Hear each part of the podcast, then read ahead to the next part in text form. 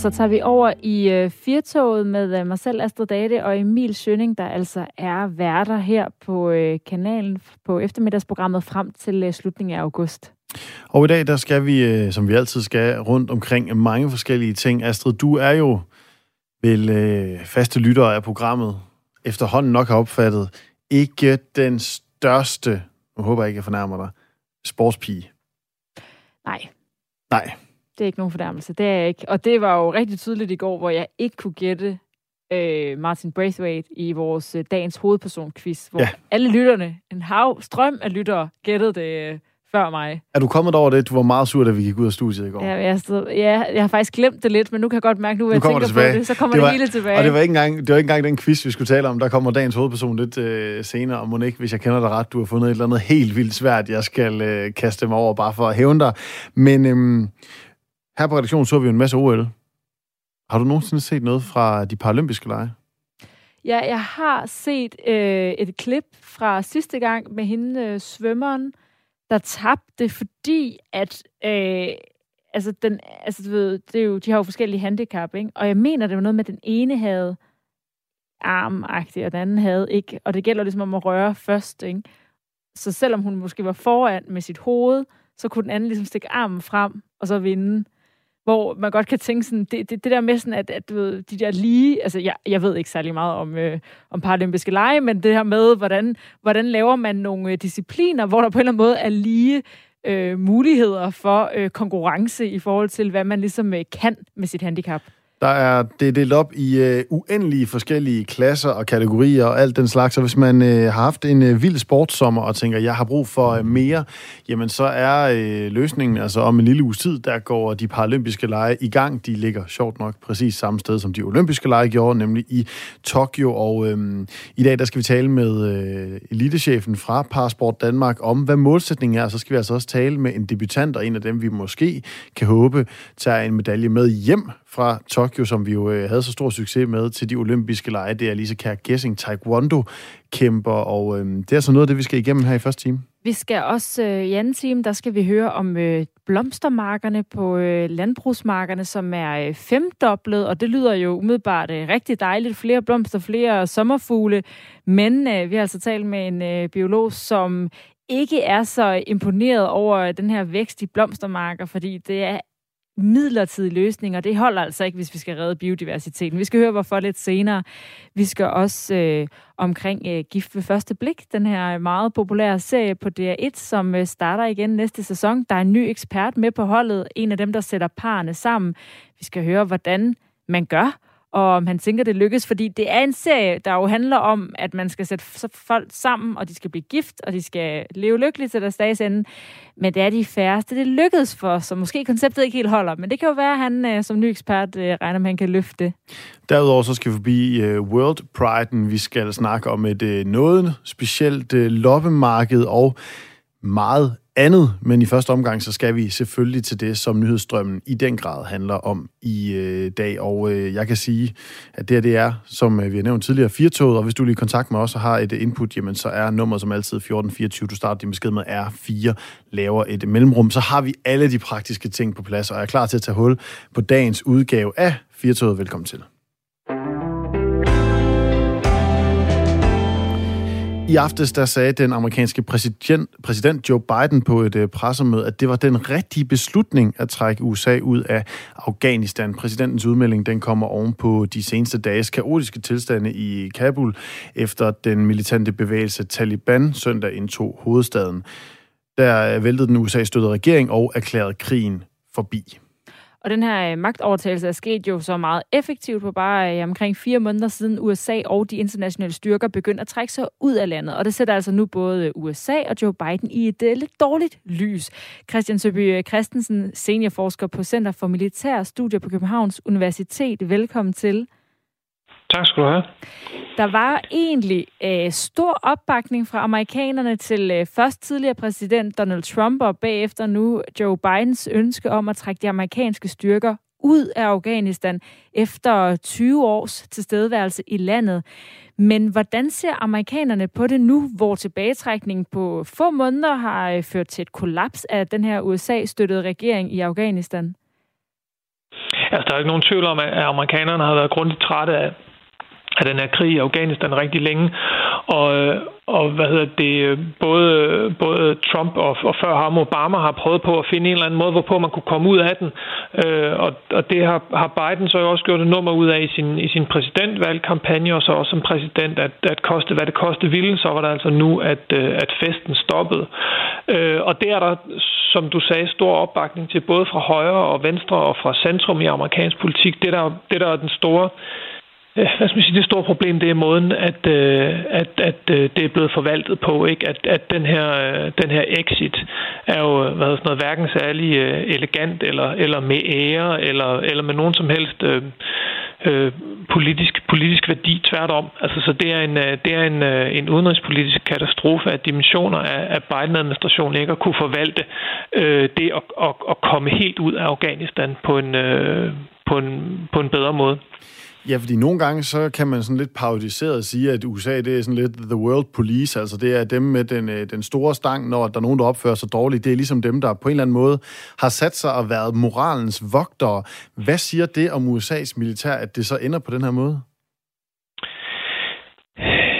Det siger, det siger i hvert fald det om, om det amerikanske militær, at, øh, at det er noget måske er bedre til at, at, at bombe, end det er til at forudsige politiske udviklinger. Jeg tror, det der er, kommer til at være det helt store øh, slagsmål, det er, hvordan kan det komme bag på øh, USA, først og fremmest, men jo også resten af det internationale samfund her under, under Danmark, og, og de amerikanske efterretningstjenester, de amerikanske diplomater, hvordan kan de fortolke så fundamentalt meget de, den politiske og den militære situation i et land, de har investeret så mange penge og så meget politisk kapital og så meget øh, intellektuel aktivitet, vi skal kalde det, det i. Altså den, den amerikanske ambassade i, i, i Kabul er, er en af de største amerikanske ambassader. Der er flere tusind ansatte. Hvordan kan de have så lidt styr på situationen?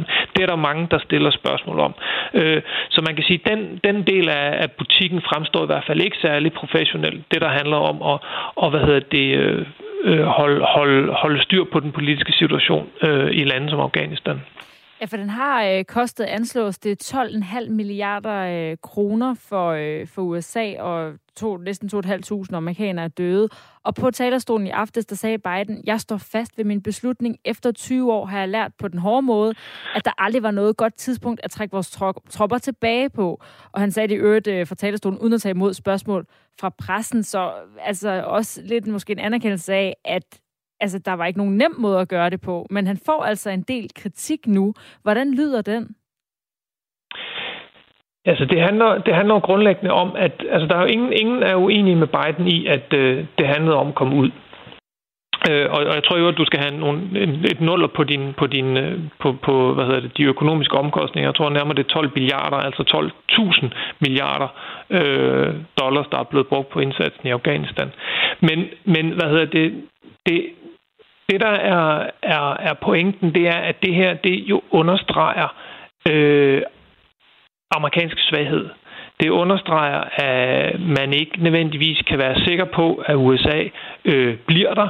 Det sætter spørgsmålstegn ved amerikansk troværdighed. Det, det, det skaber sådan øh, hvad skal man sige, reminiscens, eller, eller giver sådan en indtryk af, at det er sådan en gentagelse af Vietnam, hvor, hvor der også var nogle, hvad skal man sige, ikke særlig heldige billeder i forhold til øh, øh, den amerikanske exit fra Vietnam tilbage i, i 70'erne, og det sætter også spørgsmålstegn ved, ved, ved Bidens overordnede, hvad skal man sige, udenrigspolitiske projekt. Ikke? Hans, hans slogan i, i både kampagnen og altså præsidentkampagnen, og da han trådte til, det var, at, at America is back.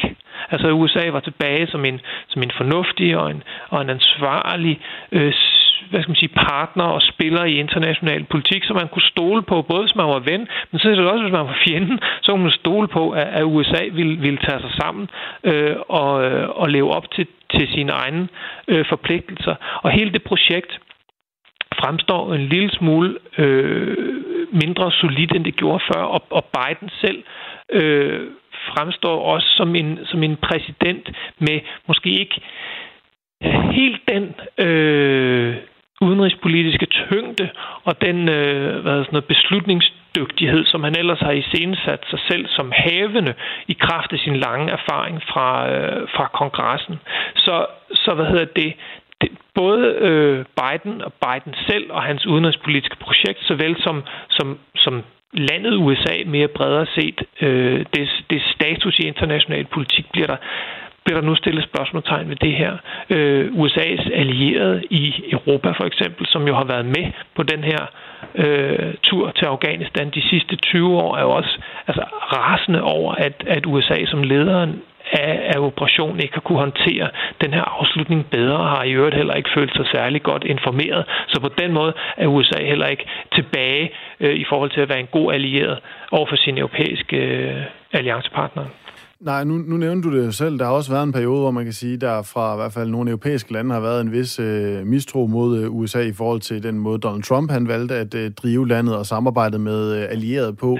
Der er jo et eller andet behov for, at der er en, der går først her, og at det er sådan en som USA, vi kan stole på. Hvis nu at de europæiske allierede for eksempel begynder at tænke, jamen det her projekt er vi ikke nødvendigvis sikre på, at vi kan stå indenfor, fordi at vi ved ikke, hvordan det kommer til at gå, når, du ved, when push comes to shove, og amerikanerne så pludselig trækker sig tilbage. Hvad kan konsekvenserne være af det her, at USA på en eller anden måde står svækket?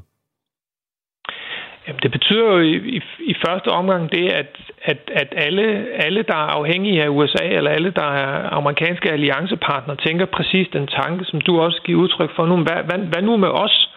Hvad kan vi nu satse? Hvad kan, hvor meget kan vi satse på amerikanerne? Ikke? Og det, det gælder jo for eksempel øh, gælder styret i, i Irak, hvor der stadigvæk er amerikanske soldater. Det gælder jo, hvad hedder det, øh, kurderne i, øh, i Syrien, der stadigvæk er afhængige af amerikansk militær støtte. Det gælder nogle af, af USA's mere, hvad skal man sige, sådan traditionelle øh, alliancepartnere, både i, i Europa og i Asien, stiller jo spørgsmålstegn, hvad betyder det her? Hvad skal man sige, både på hvor meget øh, de politiske ledere sådan, øh, hvad skal man sige, leder til leder kan stole på øh, det, som Biden siger, men jo også mere generelt, hvad, hvad betyder det her? Vil det her føre til sådan en, til, til sådan en, endnu en, en amerikansk refleksion omkring, hvad den amerikanske rolle er? Vil det føre til en, til en mere tilbagetrukket øh, rolle? Vil det føre til nogle, sådan nogle fundamentale genovervejelser af, af USA's rolle? Vil, vil det betyde, at, hvad skal man sige, at Biden han, han trækker sit, sit øh, America is back øh, tilbage. Øh, så, så der er, en, der er en, en række ubekendte spørgsmål i forhold til øh, både hvordan USA's allierede vil reagere, og ikke mindst hvordan USA, hvad hedder sådan noget, vil, vil øh, hvad skal man sige, øh, tyk, tyk den her, øh, den her ulyksalige situation øh, i Kabul igennem, og hvad, hvad, hvad, hvad den amerikanske mavefornemmelse vil sige i forhold til fremtiden. Og, og så vil vi ikke... Ja, undskyld, nej. Nej, men Christian Søby Christen, jeg kan ikke lade være med at tænke, altså, kan det ikke også være, nu, du ved, Joe Biden, så siger du der med at trække, du ved, America is back tilbage, men spørgsmålet er, om det ikke i virkeligheden, uanset om så var Trump eller hvem der ellers har sagt det, er jo, at det selvfølgelig er America first, altså det er jo ens egen nationale interesser først, at det måske mere skal være selvrettelsagelse hos alle os andre, der ikke nødvendigvis skal gå og regne med, der er en gårdvagt, der altid er dem, vi skal gå efter, som sådan en flok for, og måske selv skulle til at tage lidt mere ansvar. Jo, det kan du sagtens sige, at man kan sige, at den dynamik har også altid ligget i, i, i amerikansk politik, af, hvad hedder det, samtidig med, at man har faret rundt og, som du siger, løst øh, resten af verdens problemer, så har man også altid sagt, at nu må verden også tage sig sammen og løse de problemer. Og jeg tror, at den, den dobbelttydighed, eller, eller det, det paradoks, det understreger jo, at der jo altså også er amerikansk egen interesse i at være verdenspolitimand. Ikke? Man har jo noget magt, øh, og man har noget indflydelse.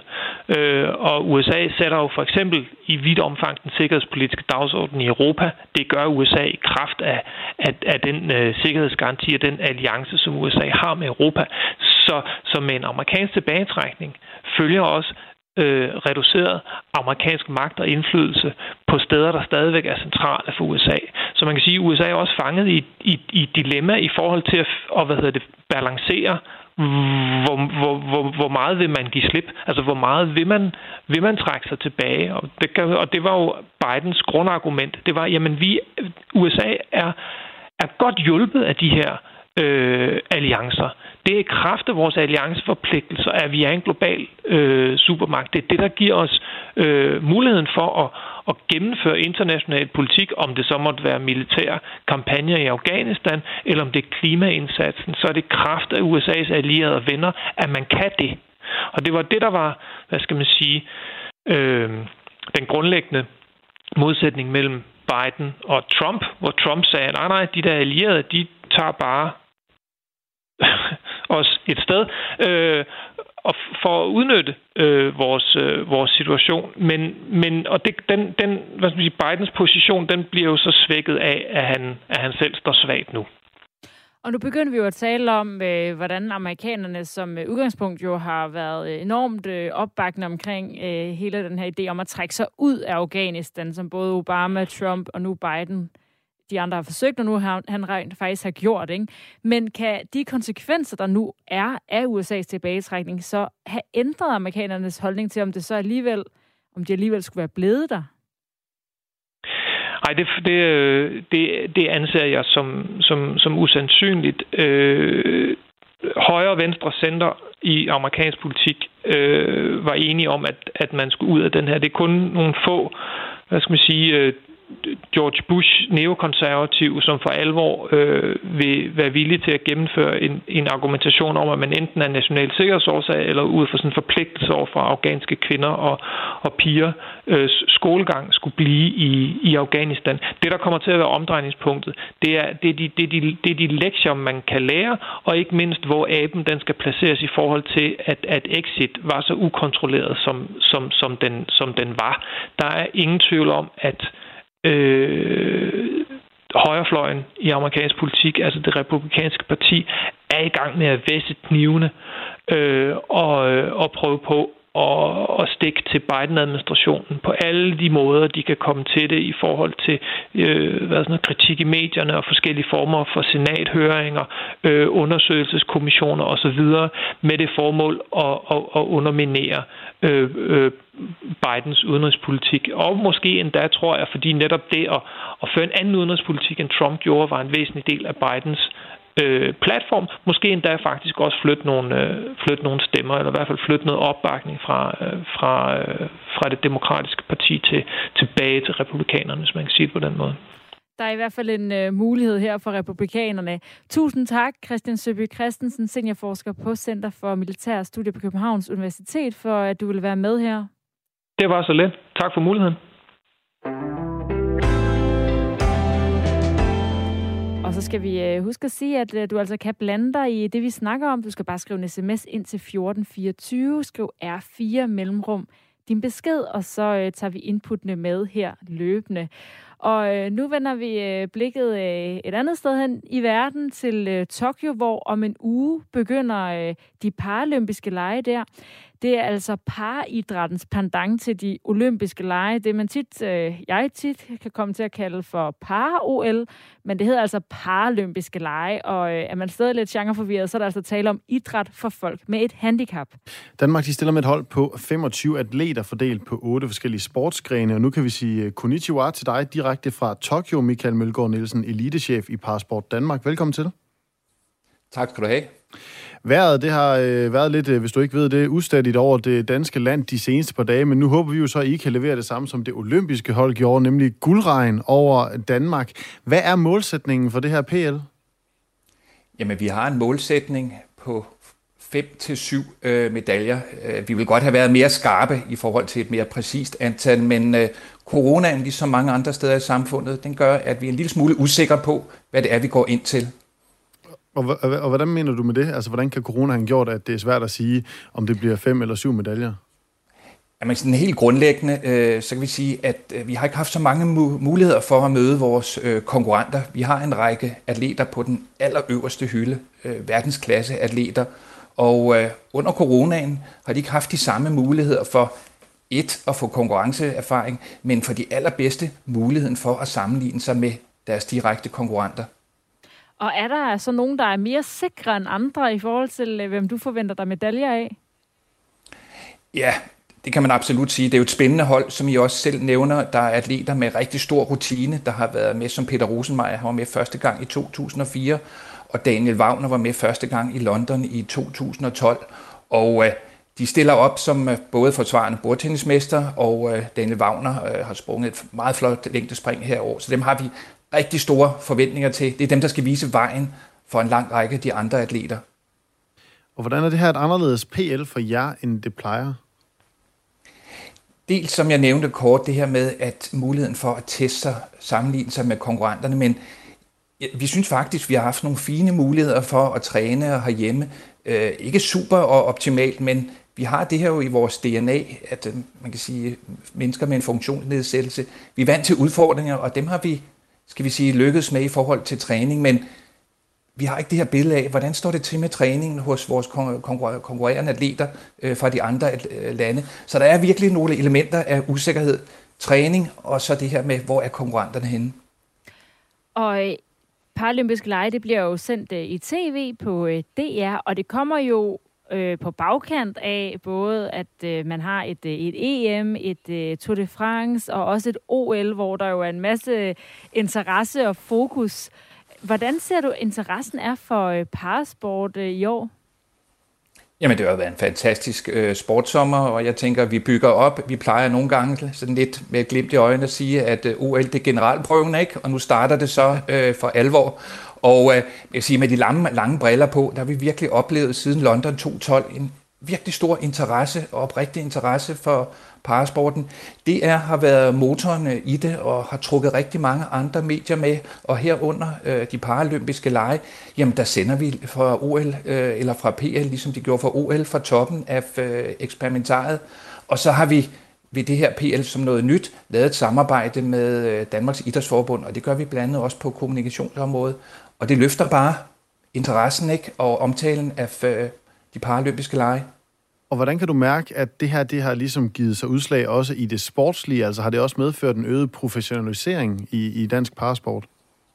Jamen det har det. Øh, man kan sige, der er jo en fin sammenhæng med omkring den opmærksomhed, der er på parasport. Øh, når vi er i medierne, altså det gør også man kan sige, interessen. Vi får nye atleter ind, og øh, vi får en forbedret økonomi. Og det gør også, at vi er ikke fuldtidsprofessionelle atleter på den måde, men vi har en rigtig stærk økonomi, som gør, at vi har kunne give give gode muligheder for træning, konkurrence, når der har været muligheden for det, men ikke mindst et rigtig flot setup med landstrænere, eksperter, sundhedseksperter, sportspsykologer, fysiske, fysiske trænere, alt sammen noget, som vi har med her i uh, Tokyo.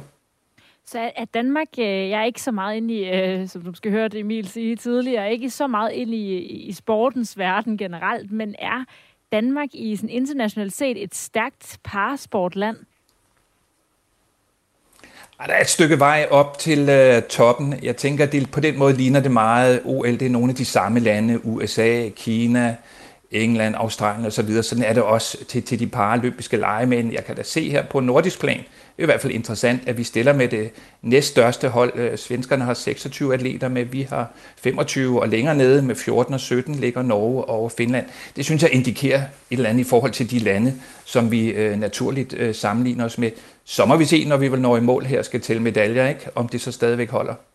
Og øh, jamen, vi kan jo lige tage øh, lidt øh, medaljestatistik. Hvis vi tager de seneste tre paralympiske lege, så blev det til ni i, øh, i 8, der var tre af dem med guld, fem i øh, 12, en af dem med guld, og en enkelt øh, guldmedalje også i Rio i 2017, hvor vi også fik øh, syv medaljer. Når man laver sådan en medaljemålsætning, fem til syv medaljer, har I så også gjort jer nogle tanker om, hvor mange af dem, der gerne skulle være af højeste karat? Vi har, har selvfølgelig gjort nogle overvejelser, men jeg vil også sige, at vi vælger, øh, ligesom man kan sige, de også gør til olympisk lege, at tælle øh, antal medaljer. Altså metallet det er marginaler, også i parasport, som gør, om du vinder en guld, sølv eller en bronze. Men der er ingen tvivl om, jeg startede med at nævne Dale Wagner og Peter Rosenmeier. De stiler højt, og de nævner også selv, at de går efter guldet, øh, så det kan vi jo krydse fingre for. Og så er der jo nogle andre, øh, som de forhåbentlig trækker med sig. Lisa Kjær Gessing, Tobias Thorning Jørgensen i ridning, øh, Lisa Gessing var i taekwondo, og Katrine Rosengren i badminton.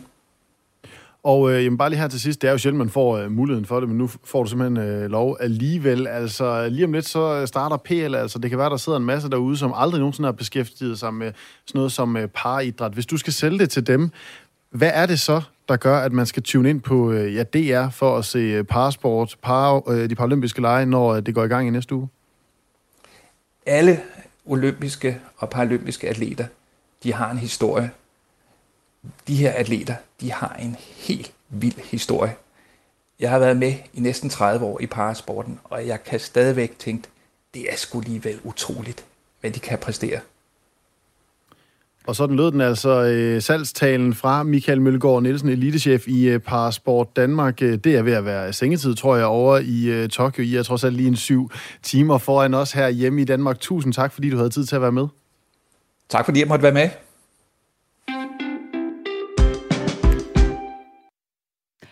En favorit til at uh, tage guldet, det er Lise Kjær Gessing, taekwondo-kæmper i det, der hedder K44, som er 58 kilo klassen. Velkommen til. Tak for det.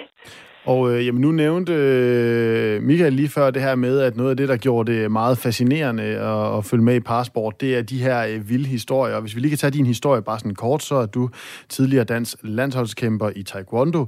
Efter du stoppede din karriere, så fik du konstateret kraft i din venstre hånd, og det betyder, at du altså ender med at få den amputeret og halvdelen af underarmen. Ja. Derfor så starter en øh, succesfuld, tør jeg godt sige, øh, par-taekwondo-karriere med, og øh, du må rette mig, hvis jeg tager fejl, fire gange VM-guld, fem gange EM-guld, og så på nuværende tidspunkt er du nummer et på verdensranglisten i din klasse, så det er vel fair nok, at vi kalder dig guldfavorit? ja, men altså, ja, på papiret er det rigtigt. Øh, kan jeg nok ikke komme udenom at være favorit. Øh, men der er også mange andre dygtige kæmper i min klasse, så der, det bliver stadig svært. Og det er jo noget nyt, at uh, Taekwondo er kommet på det paralympiske program, så der er altså mulighed for, ja. at Emil kan ramse endnu flere medaljer op næste gang. Oh, forhåbentlig. hvor, hvor meget, øh, altså, hvordan ser du frem til at skulle afsted til PL for første gang? Jeg ser vildt meget frem til det. Det er jo noget, der har stået og, og blafret for enden. Øh, øh, øh, ja, altså det er et langt, langt mål, jeg har haft foran mig i, i mange år. Øh, jeg har jo været til mange mesterskaber, både EM og VM, men men det her med at være til PL, det er jo helt særligt, at hele verden forenes, og man er afsted med en dansk delegation, hvor, hvor der også er andre deltagere i andre sportsgrene, hvor man kommer tæt på dem. Så det glæder mig simpelthen så meget til at være en del af. Ja, fordi altså tit så taler man jo om alle de her sportsgrene, der er uden for de, de helt store, som for eksempel fodbold, at, at når det så kommer til, til mesterskaberne, jamen, så er det altid, altså både inden for atletikken og inden for svømning og inden for gymnastik, så er den hvide val, om man vil, det er altid de olympiske lege. Hvordan har det været mm. at stå som øh, taekwondo-kæmper og kigge ind på PL og kunne se, om det kan godt være, at jeg har vundet VM og jeg har vundet EM, men vi kan ikke få lov til at være en del af det her selskab? Ja, jamen, altså jeg var klar i 2016 i Rio, øhm, men det var jo desværre ikke på programmet, og det var vildt ærgerligt, fordi det, det er sådan lidt det fine selskab til PL, fordi at der er jo nogle krav om at være med. Det skal være meget globalt og, og, og jamen, mange andre krav, men det, det er jo kun få idrætsgrene, der egentlig er med der. Øhm, og, og selvfølgelig vil man gerne være en del af, af det her store store arrangement, hvor hele verden jo forenes om det på én gang. Det, det er bare noget særligt. Plus det er kun hver fjerde eller, eller nu femte år, det foregår. Så, øh, så det der med at være klar på det ene tidspunkt, det, det kører af stablen, det er jo helt særligt. Og det er jo også noget særligt, det er blevet flyttet et år. Nu talte vi med elitechef i Passport Danmark, Michael Mølgaard Nielsen, der sagde, at øh, netop fordi det er flyttet med det her corona, så var det lidt svært for mig at vurdere øh, styrken ude i øh, parasportatleternes ude i verden. Hvad har det betydet for dig, at det er blevet flyttet et år i forhold til det, du siger med, at man, man skal være klar på et meget særligt tidspunkt hver fjerde år, og så nu her hver femte? Ja, Jamen, det fremhæver jo også lige præcis, øh, hvor, hvor, hvor sårbart det egentlig er at være atlet, fordi altså, en, en lille bitte skade, eller er du ramt eller corona, så bliver det udelukket til at være klar på det ene tidspunkt, hvor, hvor din konkurrencedag starter ud af øh, et forløb på fem år, øh, hvor du samtidig skal øh, ramme din form fuldstændig perfekt, og der skal ikke være andre ting, der står i vejen. Øh, det, det, det, det er noget særligt, øh, hvis man rammer det. Øh, fordi der, det kræver så meget, øh, det kræver så lang tids forberedelse øh, at komme øh, til både at kvalificere sig og så også øh, få trænet øh, det, der skal til. Øh, så så der, ligger, der ligger så meget bag. Øh, og, og så mange, der, der også, det, altså, som også arbejder for ens mål. Så, øh, så det, er, det er helt vildt. Øh, ja, og Lise Kjær Gessing, altså du øh, var jo øh, taekwondo-kæmper, før du øh, blev syg, altså fik amputeret hånden og, og, og halvdelen af, af underarmen. Stoppede altså så karrieren, og så blev du ramt af, af, af kræft. Hvad gjorde, at du så vendte tilbage til taekwondoen og tog den her øh, paralympiske karrierevej? Jamen, jeg ved det ikke, altså, der er nok flere ting i det. Øh, I starten var det øh, bare at komme ud og gøre noget, øh, og, og lige så stille gøre noget med min krop, som jeg selv var herre over. Og der var det helt sikkert en terapi for mig at, at kunne lige pludselig gøre noget, som jeg kunne engang noget, finde noget, jeg, jeg stadig kunne finde ud af. Øhm, og, og det var det var, føltes bare godt. Og så sådan skridt for skridt, så, så gik det jo godt, og og, øh, og i starten var det det her med at overvinde kraften. Øh, men nu øh, er det jo konkurrenceelementet, der, der er i det, og, og det er de oplevelser, som det har givet både mig, men især også min familie, der har været med på mange af de her rejser. Og, og, og de her mennesker, jeg har mødt, det har virkelig været en, en eye-opener i forhold til det her med at have et handicap, og så komme ud og, og møde andre handicappede. Ja, det har ja, inspireret mig helt vildt. Ja, fordi det kunne jeg forestille mig, noget øh, fylder meget, når ens liv på den måde bliver væltet om. Altså, hvad har sporten, hvordan har den hjulpet dig der? Jamen, i starten, der var det også sådan noget med, at øh, jeg, jeg var meget blufærdig omkring min øh, stump, som jeg plejer at kalde den. Altså det der med at, at være amputeret. Jeg synes ikke, at øh, det ved kom andre at se på. Altså, så jeg dækkede den til. Men så var jeg jo til de her stævner, hvor jeg så, at folk de gik bare rundt i t-shirt og tanktop og Jamen, der, altså bare vise sig frem, som man var. Og, og det, det var jo også helt oplagt. Hvorfor skulle man, øh, altså hvis man havde det varmt, hvorfor skulle man så ikke tage sin trøje af og gå i en t-shirt? Øh, så den der naturlighed, det var at, at gå med at være, have et handicap, det hjalp mig bare rigtig meget til at komme videre i, i det forløb. Øh, når, altså, jeg tror, det, det, det er forskelligt, hvordan man har det, om man er født med det, eller man, man får det ved en ulykke, eller eller et kraftforløb. Øh, det hjalp i hvert fald mig at komme ud blandt nogle ligesindede og se, hvordan de jamen også bare gjorde sådan helt lavpraktisk gjorde ting. Tog mad fra en buffet eller lynede deres lynlås. Øh. Det, det, det hjalp mig. Sådan, skridt for skridt, så har det jo bare været min terapi for, for at komme videre i, i alt det her. Nu kan man sige, nu øh, slutter den, i hvert fald på nuværende tidspunkt, kulminerer måske er et bedre ord ved de øh, paralympiske lege, altså den største scene af dem alle, og nu prøvede vi lige at øh, få dig til at sige, at du var guldfavorit til at starte med, men jeg giver ikke lige sådan op, sådan øh, uden videre. Hvad er, øh, vi, vi kan tage et lidt mere let ord, så kan vi gøre ligesom øh, de gør i Parasport Danmark. Hvad er målsætningen så for de her øh, paralympiske lege for dig?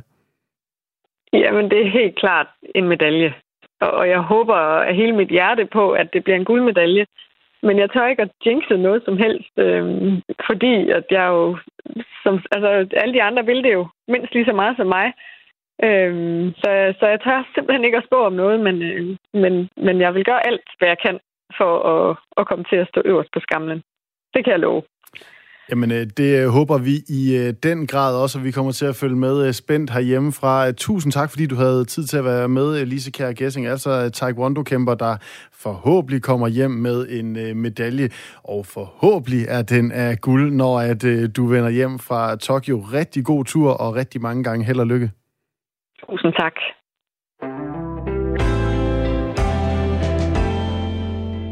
På 1424'eren, der har Inger meldt ind, at øh, hun vil gerne takke os for at tage Paralympics op. Øh, det er bare så vigtigt, at vi husker at hylde de fantastiske atleter. Det har de virkelig fortjent. Og man kan jo godt... Altså, folk bliver også, det oplever vi nogle gange på sms'en, lidt sportstrætte efter sådan en lang sportsommer. Altså, øh, nu, øh, nu sagde Michael, at det var... Øh, Øh, det andet havde ligesom været generalprøven, og nu kom øh, premieren. Det, det, det ligger jo også meget sent efter, at nogen, der måske ikke er så vilde med, med sport, har skulle se EM, så de skulle se Tour de France, så de skulle se OL, og så kommer PL. Og det er altså bare nogle, det er nogle vanvittige atleter, dem der. Måske det skulle ligge først. Ja. Vi skulle flytte det. Så kunne det være det allerførste, vi så. Så kunne det være premieren. Ja. I stedet det, for, øh... det tager du lige med Thomas Bak. Øh, I USA, de virker generelt til at være sådan nogen, der tager imod øh, til, hvad hedder det? Ja, på sådan, hvad hedder det? Den olympiske komité. Ja. Det er bare at sende en sms ind, ja. ligesom, at, uh, ligesom vi kan gøre her til uh, 1424 R4, og det er altså uh, Firtog, du lytter til her på Radio 4. Jeg hedder Astrid Data, og med mig er Emil Schøning. Lørdag ramte et øh, virkelig voldsomt jordskæld den sydvestlige del af øen Haiti i Mellemamerika. Tusindvis af boliger og andre bygninger, kirker osv., de er blevet ødelagt af rystelserne, mens antallet af savnede og sårede og døde det stadig stiger. Og der er stadigvæk ikke helt sådan overblik over øh, katastrofens sådan helt fulde omfang. Røde Kors de vurderer, at man øh, har mere end 800.000 personer, der er direkte påvirket af jordskælvet, som indtil nu har kostet næsten 7.000 mennesker, som er blevet såret, og øh, 1.419 mennesker, der har mistet livet, det skriver Ritzau. Katastrofen har også gjort indtryk på den øh, japanske tennisstjerne Naomi Osaka. Hun er selv af halvt hatiansk og halvt japansk afstamning, og i øvrigt så er født og opvokset i øh, USA. Hun har øh, besluttet at donere pengepræmien fra den næste turnering, hun spiller som støtte til nødhjælpsindsatsen i netop Haiti. Hun skriver i et tweet, det gør virkelig ondt at se al den ødelæggelse, der sker i Haiti, og det føles som om, at vi aldrig har noget held. Jeg er ved at skulle spille en turnering i denne uge, og jeg vil altså give alle penge, øh, præmiepengene til nødhjælpsindsatsen for Haiti. Og så står jeg lige og prøver at kigge, om øh, hun har spillet i dag. Men det har hun slet ikke. Hun spiller først øh, På mandag senere. begynder, begynder øh, den her øh, Ja. turnering, hun skal deltage i, der hedder Western and Southern Open i, i øh, Cincinnati, hvad hedder det? Cincinnati i øh, USA. Og øh, her der er det altså øh, vinderen af kvindernes singlefinale, der står til at modtage godt 250.000 dollars, mens øh, taberen får knap 190.000 dollars. Så øh, der er i hvert fald nogle penge at give af fra den her 23-årige tennisstjerne. Hvis hun kommer i finalen, nu gik det jo ikke helt, som hun havde håbet, da hun øh, spillede på sin anden hjemmebane i, øh, ved OL.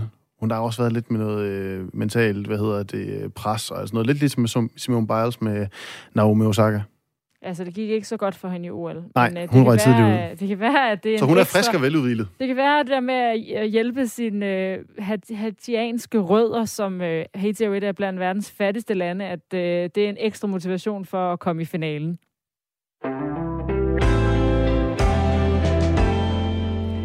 Krigen i øh, Afghanistan har ikke været forgæves, lyder meldingen fra flere politikere i øh, både ind- og udland, og det har gjort noget ved øh, truslen mod den vestlige verden, når det kommer til terror fra al-Qaida. I går der kunne man høre den danske udenrigsminister Jeppe Kofod sige sådan her til DR. Al-Qaida er ikke mere i Afghanistan. Der er ikke en trussel for dem mod os mere.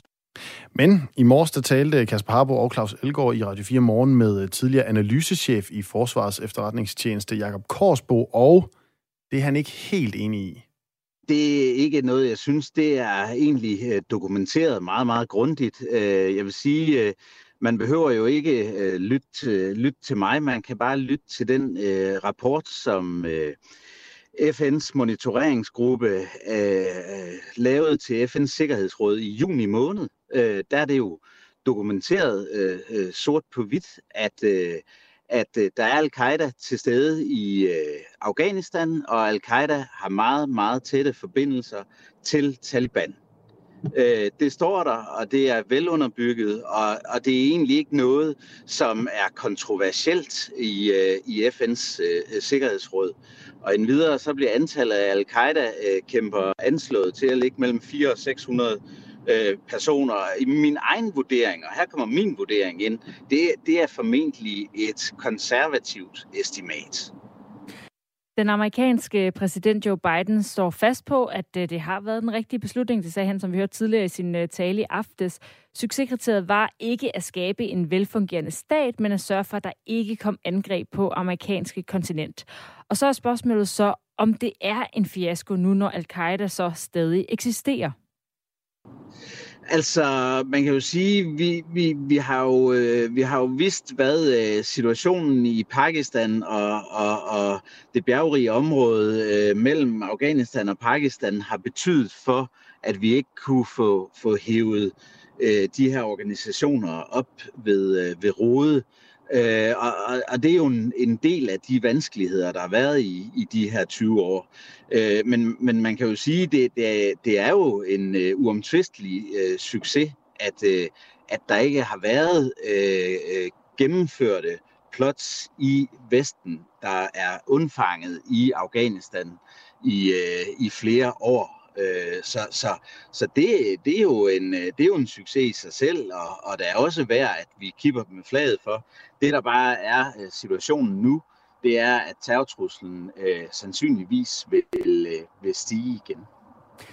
En af vores lyttere, som øh, bidrager med en sms på 1424, påpeger, at man fandt jo Osama Bin Laden på den anden side af grænsen til Pakistan. Så altså, der er jo... En ting er, hvor landegrænserne går. Noget andet er, at der er sådan forskellige områder, som har lidt deres eget styre.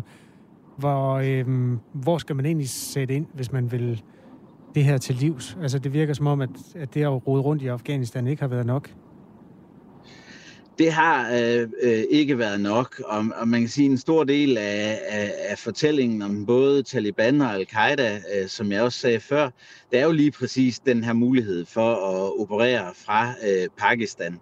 Og, og så kan man sige, så kan vi altid diskutere, jamen, hvorvidt har, har den pakistanske stat, eller de, dele af den pakistanske stat, øh, faciliteret øh, øh, deres øh, operationer inde i, inde i Pakistan, og deres evne til at række ind i Afghanistan og, og ramme os. Øh, øh, men, men, men vi kan i hvert fald konstatere helt utvetydigt, at, øh, at de har haft mulighed for at, at opholde sig der, de har haft mulighed for at træne der, øh, øh, og, og har på den måde haft en form for frit lejde. Jakob Korsbo, hvad er din største bekymring i forhold til al-Qaida, som situationen er nu? Jo, altså, når, vi, når jeg siger, at øh, terrortruslen sandsynligvis øh, vil stige, øh, så er det jo øh, lige præcis fordi, at øh, jo, jo, jo bedre et øh, fristed øh, de her terrorbevægelser har, øh, jo bedre kan de opbygge kapacitet, øh, og, og, og det, er, det er det væsentlige problem. Og, og deres hensigt om at ramme øh, Vesten, den er egentlig uantastet. Man kan sige, det, det der så øh, modererer det lidt, det er, at øh, både Taliban og, og Al-Qaida øh, er enige om, at øh, det, der er sket de sidste 20 år, øh, var sandsynligvis ikke så formålstjenligt. Øh, det vil sige, den klapjagt, de har været udsat for, øh, den kan de også godt se, at det er, det er ikke, det er ikke så, så forfærdeligt heldigt. Så de ved godt, at hvis de udfører noget, der er tilstrækkeligt alvorligt, så vil det få fatale konsekvenser for dem selv. Ja. Så der er, de er kommet ind i en øh, realpolitisk kalkyle nu, øh, og hvordan de, de vil takle den og, og forene det med deres ønsker om at ramme os, det må vi se, øh, og, og der vil der vil gå et stykke tid før, at den materialiserer sig i truslen. Det, det, det føler jeg ret, mig ret sikker på. Og det var altså øh, fra Radio 4 Morgen, hvor vores øh, kolleger Claus Elgaard og så, som I kunne høre øh, primært, Kasper Harbo talte med øh, tidligere analysechef i Forsvars efterretningstjeneste Jakob Korsbo, og det her det var et øh, udklip af det interview. Hvis du vil høre det hele, jamen, så må du ind på vores øh, hjemmeside for at finde det.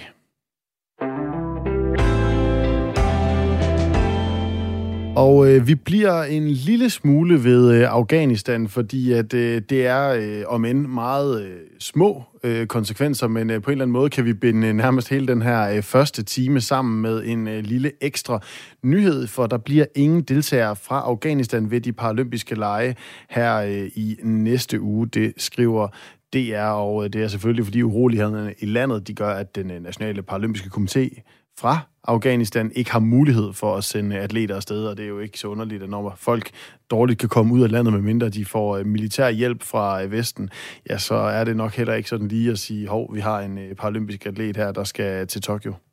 Det betyder blandt andet, at den afghanske taekwondo-kæmper Sakia Kudadadi ikke kommer til at stille til start. Altså, det var jo også en taekwondo-kæmper, vi talte med tidligere i dag.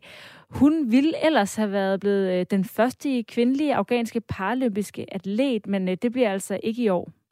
Og øh, det var ellers kun øh, to måneder siden, at hun fik et øh, wildcard til øh, lejene i øh, Tokyo, og hun skulle faktisk være ankommet til Japan i dag, så man kan sige, det var i øh, absolut aller sidste øjeblik, at de øh, planer blev forpurret, og man kunne godt forestille sig, at hvis hun var kommet til øh, Japan, jamen så ville hun måske have søgt en form for øh, asyl, når hun kom øh, derover.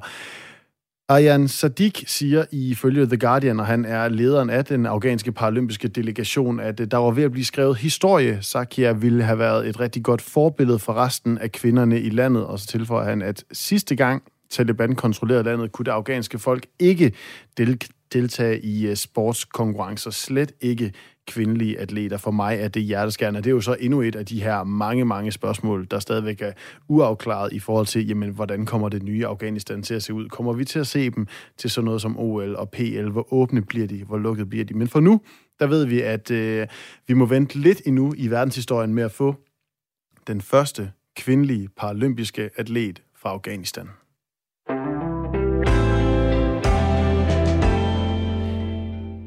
På lørdag, der kan du gøre dig lidt af et fund, hvis du mangler en øh, rigtig samtalestarter til dit hjem, fordi her åbner det Kongelige Teater dørene til deres rekvisitlager ude på Refshaløen i København, hvor at man har mulighed for at købe nogle af de her rekvisitter. Og det spænder altså meget bredt, det kan man måske forestille sig fra et teater. Du kan købe øh, for nogle håndører helt op til en øh, specialudgave af designerlampen Koglen, der altså koster 35.000 kroner. Og vi har nu øh, formand for rekvisitten på det Kongelige Teater, Mikkel Tøjt, med. Velkommen til. Jo, tak skal I have. Hvorfor er det, at I øh, sælger ud af alle de her skønne skatte? Jamen, altså, det gør vi sådan set af, af, af flere grunde. Altså, den helt praktiske grund er først og fremmest, at øh, vi nok snart skal stå og have et nyt møbellager, og vi har simpelthen ikke plads til at, til at have det hele på, på det nye lager. Men derudover så gør vi det jo så også ud fra hvad kan, en, en grøn tankegang. Altså, vi bruger øhm, meget, meget, øhm, meget tid på at, få, at arbejde med at lave grønt teater herinde. Så i stedet for at kassere tingene, så går vi meget op i at prøve at genbruge dem. Øh, vi genbruger både møblerne til vores egne forestillinger, men så i det her tilfælde, der vil vi så prøve at, at sælge dem til nogle andre, som så måske kan få lidt glæde af dem. Og øh, jamen, hvordan vurderer man lige, når man står... Øh, jeg har set nogle af billederne, hvad det er, I skal sælge, øh, og jeg har også været inde og se øh, flere teaterstykker. Hvordan vurderer man lige, nej, øh, den her øh, øh byste for eksempel, eller øh, øh, nu er det her et konkret øh, eksempel, den her øh, leopard-skulptur, øh, den får vi nok ikke lige brug for igen. Ja, det er jo nemlig et godt spørgsmål, fordi mange af tingene er jo... Øh specielle i kraft af det, de er blevet brugt til, øhm, og, og det, i den, den kontekst, de er indgået i. Så mange af dem vil jo også have affektionsværdi, hvis, hvis du er en type, som, som holder af teater, så, så vil du måske vurdere den udstoppede øh, eller leopardskulpturen lidt anderledes, end man vil gøre inde på Laurits. Men generelt set, så, øh, så prøver vi at sætte priserne så, så lavt, øh, som vi nu føler, vi kan, så alle har en chance for at være med. Og så vurderer vi det ud fra øh, øh, selvfølgelig noget genanskaffelsesværdi, men det er jo også over, hvor sjove genstandene de nu engang er. Og øh, jeg har også set nogle af billederne, og det er jo ikke alle tingene, der står sådan helt nye og skarpe, men, men hvor populært er det her? Øh, altså, har I mange, der, og regner med, der kommer mange på lørdag og øh, køber de her rekvisitter, gamle rekvisitter? Ja, det gør vi da. Altså, når vi holder den slags loppemarkeder, så plejer der at være ganske god interesse for det. Øh, det er noget, som, som tiltrækker folk, det her med, at ting har en, en historie, og det, det har de ting, vi sælger virkelig. Øh, selvfølgelig er der også nogle, nogle nyere ting, som ikke er så spændende, men der er ikke nogen tvivl om, at vi har... Altså, mange af de ting, vi har sat til salg, er jo ting, som, som har en særlig historie, og som vi sagde i indledningen, så har man i hvert fald en god øh, samtale starter til det næste middagsselskab hvis man byder folk til at sidde i, i møbler, som er en kopi af de møbler, der blev fundet i Tutankhamons grav, eller, eller sådan noget lignende. Ja, ja, fordi hvad er det for en historie, man på en eller anden måde har mulighed for at købe sig ind i på lørdag?